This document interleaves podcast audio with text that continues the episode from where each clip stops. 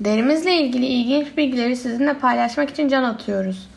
Vücudumuzdaki en kalın deri ayak tabanı ve avuç içinde, en ince deri ise göz kapağında bulunur. Parmaklarımızın ucunda bulunan derinin kıvrımlarının oluşturduğu desene parmak izi denir. Şimdiye kadar parmak izi aynı olan herhangi iki kişiye rastlanmamıştır. Derimizde bir kesik oluştuğunda kan damarları da zarar görürse bu kesikten kan çıkar. Çıkan kanın içinde bulunan trombosit adındaki hücreler pıhtı oluşturarak bu kesiği kapatır. Pıhtı bir süre sonra sertleşir ve burada kabuk görünümünde bir yapı oluşur.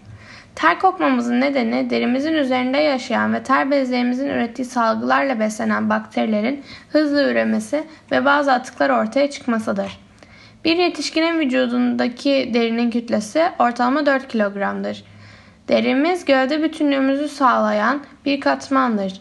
Haydi gelin vücudumuzu saran, koruyan ve daha pek çok işlevi yerine getiren derimiz derimize yakından göz atalım. Derimiz vücudumuzun en büyük organı olarak kabul edilir. Onun sayesinde hem dış çevrelerden ayrılırız hem de dış çevreyle bağlantı kurarız. Derimizin vücudumuzu çevredeki dış etkilerden korumak, D vitamininin sentezlenmesini başlatmak ve vücut sıcaklığını dengelemeye yardımcı olmak gibi farklı farklı görevleri bulunur. Derimiz yaşamımız boyunca değişiklik gösterir. Örneğin bebeklikte yumuşak ve kırışıksızdır. Ancak bu dönemde ter bezleri pek çalışmaz. Ayrıca kıllar daha az ve incedir.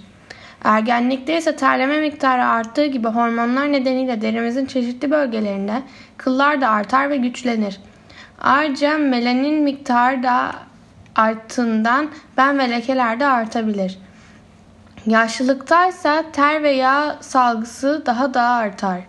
Bunun yanında derimiz yıpranır ve esnekliğini kaybeder. Bu nedenle de buruşur ve sarkar. Derimiz bağışıklığımızı arttıran, pek çok hastalığa karşı vücudumuzu koruyan D vitamininin sentezlenmesinde rol alır. Derimizde bulunan bir madde güneşten gelen mor ötesi ışınlar sayesinde D vitamininin etkin olmaya olmayan bir formuna yani D3 vitaminine dönüşür, dönüştürülür. Dönüştürülen D3 vitamini çeşitli besinlerden aldığımız D2 ve D3 vitaminleriyle birlikte sırasıyla karaciğere ve böbreklere ulaşır. Böylece vücudumuzun gereksinim duyduğu formda D vitamini üretmiş olur.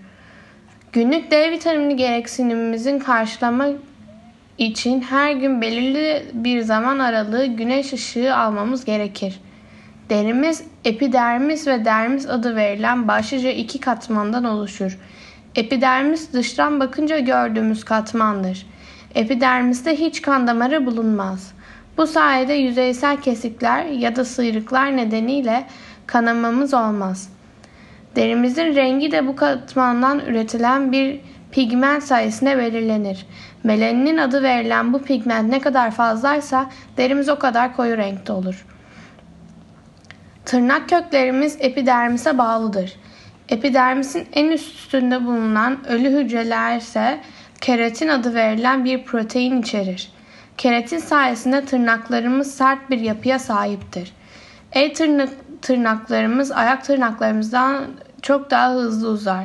Bunun nedeni tam olarak bilinmese de bazı bilim insanları bu durumu ellerin ayaklardan daha çok dış etkiye maruz kalmasıyla ve bu nedenle hücre yenilmesinin daha hızlı gerçekleşmesiyle açıklıyor. Bu durum el parmaklarımızı ayak parmaklarımızdan daha fazla kullanmamız ve ellerimizdeki kan dolaşımının ayaklarımızdakinden daha fazla olmasıyla açıklayanlar da var. Epidermis altındaki dermis adı verilen katmansa iki bölümden oluşur.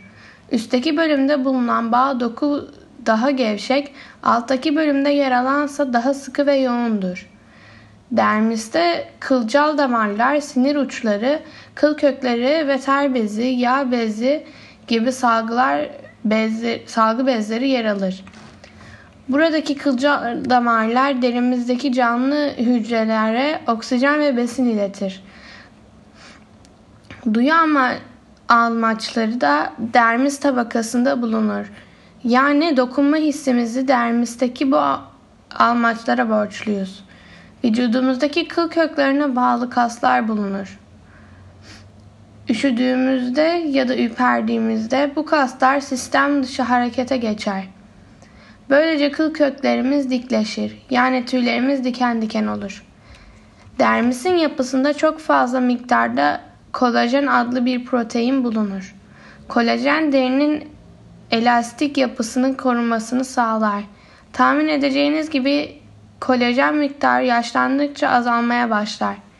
Bu nedenle derimi, derinin elastik yapısında değişiklikler ortaya çıkar. Yani deri buluşur ve sarkar. Sevgili arkadaşlar, bizi dinlediğiniz için çok teşekkür ederiz. Talsus Sev Science Therapy takımı olarak sizlere insan vücudunun yapısı ile ilgili ilginç bilgiler aktarmaya devam edeceğiz. Bizle kalın, sevgiler.